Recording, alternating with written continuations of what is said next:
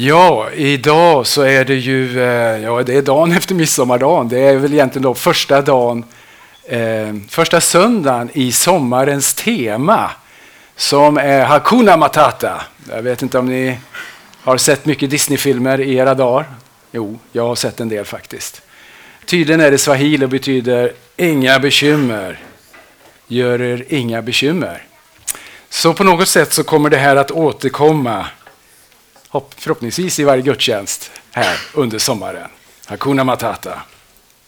Och den text som kommer att finnas som eh, bakgrund eller som en viktig grund i alla söndagar framöver. Det är från Bergspredikan, från Matteus kapitel 6, vers 24 till 34. Eh, det här är en del utav Bergspredikan. Bergspredikan är ju den här fantastiska predikan eller undervisningen som Jesus höll under en lite längre tid. Han undervisar i tre kapitel i Matteus evangeliet, kapitel 5, 6 och 7. I kapitel 5 där kan vi läsa om de här kända saligprisningarna. Saliga är de som är fattiga, saliga de och så vidare. Det handlar om egentligen då att inte bara följa lagens bokstav utan hjärtat är det viktigaste. Alltså själva inställningen i människan, det är det viktigaste. I kapitel 7 sen så undervisar han om att känna igen på frukten. Vad är det som ger god frukt i våra liv? Och han också har liknelser om husbyggarna som några bygger sitt liv på sand och några på den fasta klippan.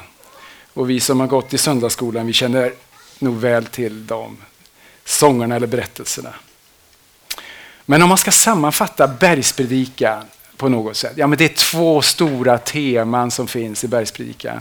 Och det ena är Guds rike och det andra är Guds rättfärdighet. Guds rike och Guds rättfärdighet. Och det kommer vi att prata en hel del om idag.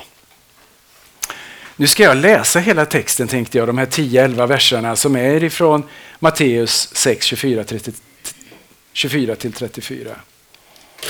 Så här säger Jesus då. Ingen kan tjäna två herrar.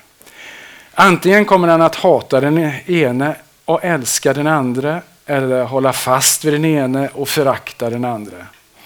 Ni kan inte tjäna både Gud och mammon.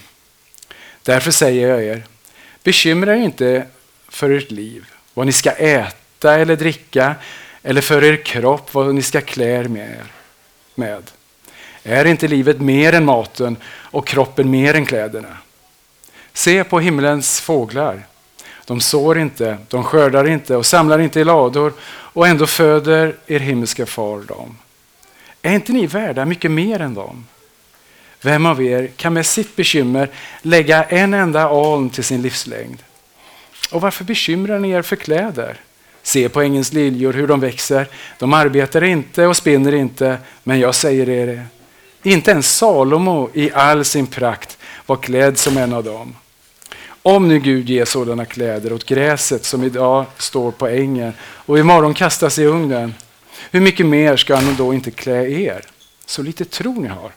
Bekymra er därför inte och fråga inte vad ska vi äta eller vad ska vi dricka eller vad ska vi klä oss med?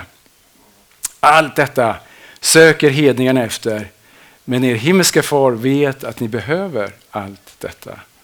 Nej, sök först Guds rike och hans rättfärdighet så ska ni få allt det andra också. Bekymra er alltså inte för morgondagen, för morgondagen bär sitt eget bekymmer. Var dag har nog av sin egen plåga. Amen. De här verserna, det är ju sprängstoff. De här elva verserna, det är ju eh, ämnen för många predikningar. Eh, fantastiskt starka ord. Och jag kommer att dyka ner i några delar av det här. Texten handlar ju sammanfattningsvis egentligen om vad är det vi bekymrar oss för? Vad är det vi lägger vår energi på? Vad är det vi värderar högst i våra liv? Och Den stora uppmaningen till oss i den här texten det är att bekymra er inte, oroa er inte. Lita på mig, lita på Gud. Den här uppmaningen som gavs för nästan 2000 år sedan utav Jesus, den behövdes då, men den behövs även idag. Det här behöver vi höra i vår tid idag. Om vi går till vers 33 där och Guds rike, vad är det egentligen? Jesus pratar ju väldigt ofta om Guds riket. Eller om himmelriket brukar han prata om. Och då ska vi veta att Gudsriket och himmelriket är i stort sett synonymt. Ofta tänker vi att himmelriket är någonting som är efter döden, när vi kommer till himlen så att säga. Men när Jesus pratar i evangelierna, då är Gudsriket och himmelriket i stort sett synonymt, så att säga. Det är samma. Och vad tänkte egentligen folket vid Jesu tid om Gudsriket? För det här begreppet fanns även i Gamla Testamentet, alltså i de gamla skrifterna som det judiska folket, Israel, hade läst i många, många år. Ja, vad tänkte de egentligen? I Johannes 18 36 kan, kan vi läsa om att Jesus svarar fariseerna när de frågade Jesus va, va, hur, vad är ditt, hur, hur är ditt rike egentligen? Då svarar Jesus, mitt rike är inte utav den här världen. Det fanns ju en föreställning bland judarna vid den här tiden att, att Gudsriket det skulle komma som ett stort, starkt och mäktigt kungarike för att upprätta Israel som en stark nation. Och Messias då, som de längtade och väntade på, skulle vara en, en stark politisk ledare eller kanske militär ledare som skulle kunna upprätta kung Davids rike igen.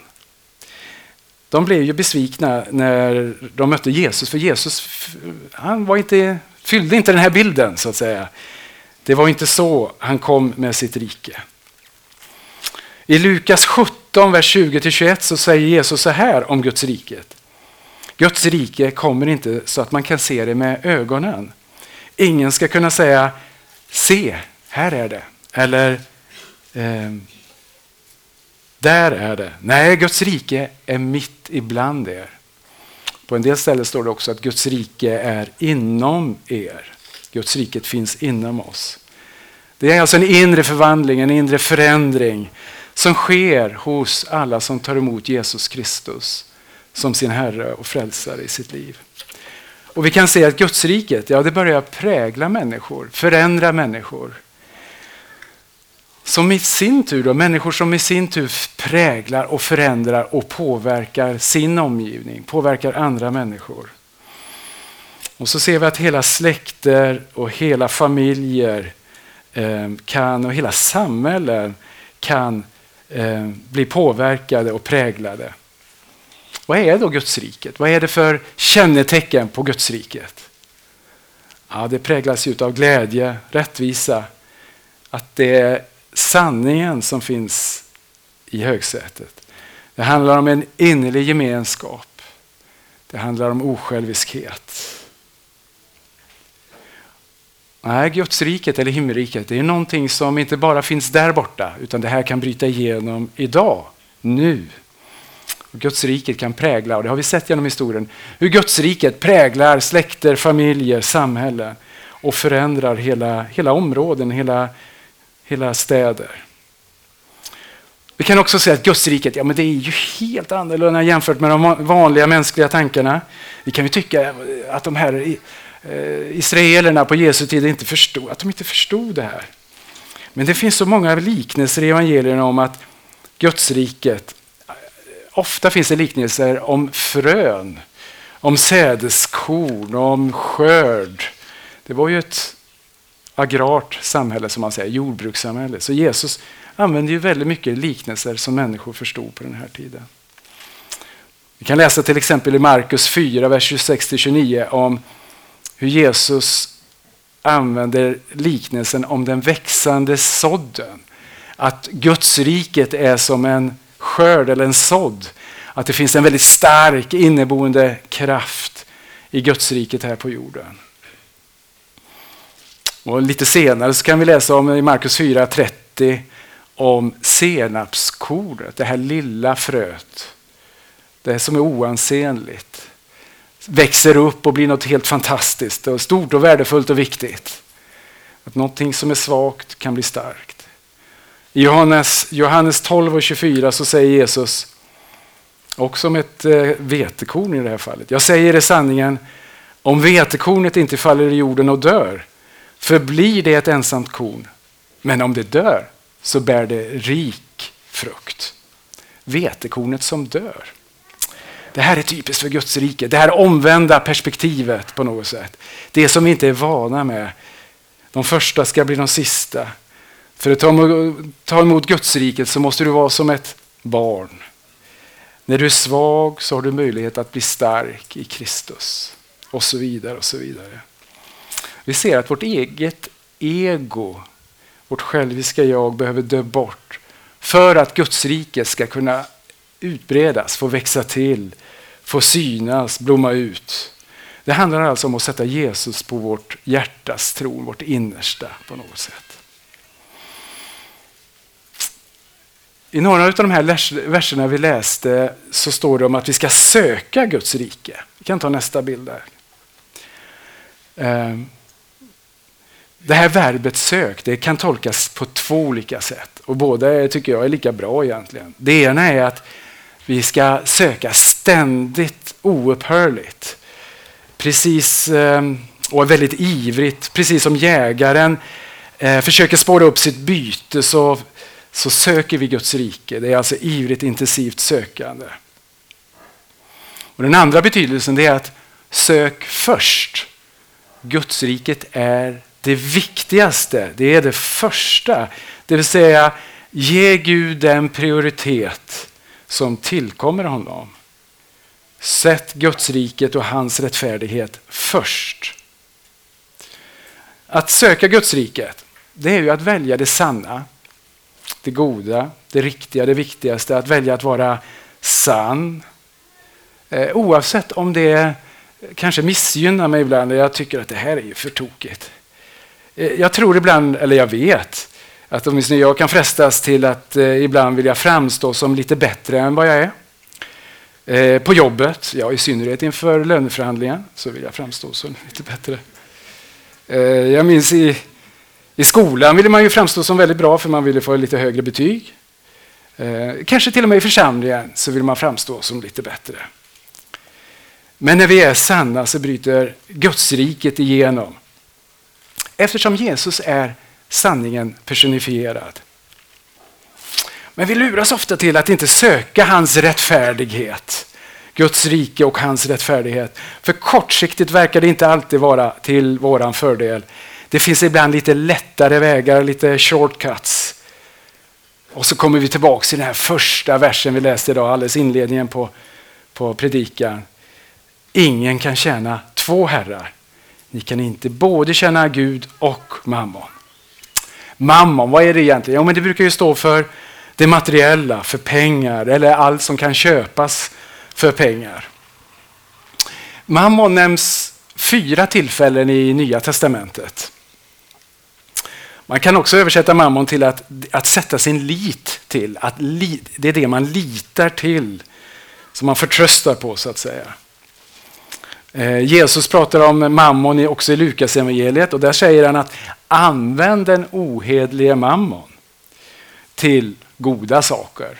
Ungefär så säger han. Använd det till bra saker. Det, verkar alltså, det är klart att vi ska använda oss av de pengar och de resurser som vi har på något sätt. Och pengar är faktiskt det är ett av de vanligaste ämnena i Bibeln. Konstigt nog kan vi tycka. Borde det inte vara kärlek och andra saker? Nej, det här finns av ett skäl tror jag. Jag tror det, skälet är ju för att det är ett viktigt ämne. Pengar i sig är inte något neutralt, tror jag. Det har en förmåga, pengar har en förmåga att binda människor, att göra oss ofria på ett sätt som kan vara väldigt eh, eh, subtilt eller svårt att upptäcka. I Mammons rike där är vi värda först när vi producerar, när vi åstadkommer något, när vi gör något, när vi tjänar pengar. Eh, vårt värde det mäts kanske till och med i lönen ibland. Och det här ja, det är ett, ett förfärligt rike att vara i. Det är ju spegelbilden till Guds rike på något sätt. Vers 32 som vi läste inledningsvis här i Matteus 6 så står det allt detta söker hedningarna efter. I en gammal översättning står det allt detta jagar hedningarna efter. Och det här jagandet eller sökandet i mammons rike tror jag gör att jag, jag blir mer stressad. Jag eh, får mer och mer fokus på nästa projekt, nästa uppgift, nästa utmaning, nästa upplevelse kan det vara, nästa jobb eller vad det nu kan vara för någonting. Jagandet gör också att jag fokuserar mer på bristen istället för det jag har.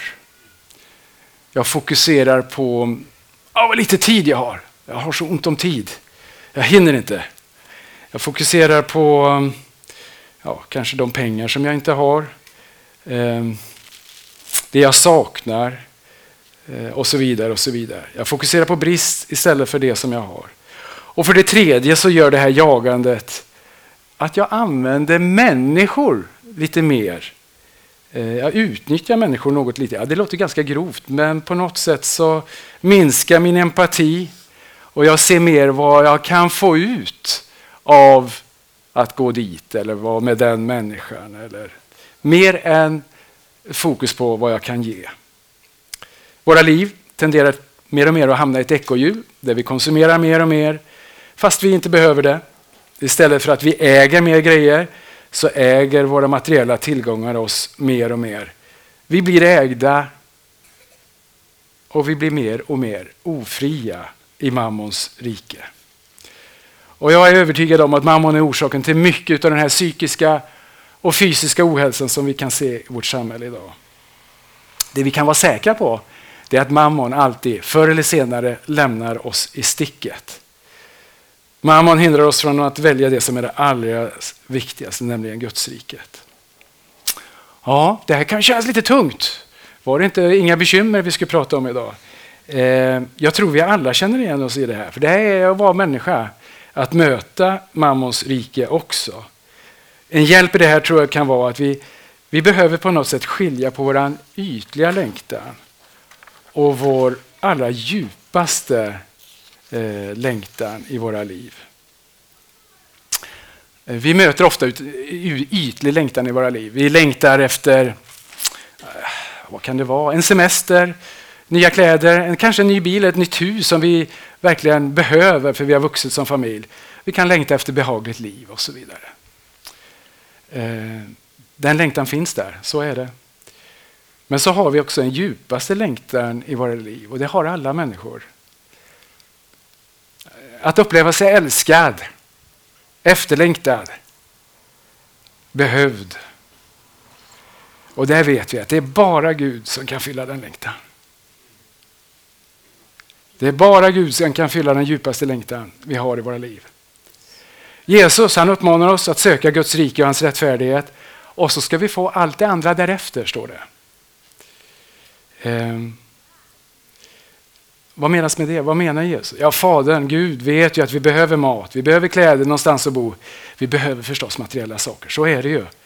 Det finns inget förbud att äga saker i Bibeln. Det fanns flera förmögna människor bland lärjungarna som använde sig av sina tillgångar för att hjälpa de första lärjungarna för att Guds rike skulle utbredas mer och mer.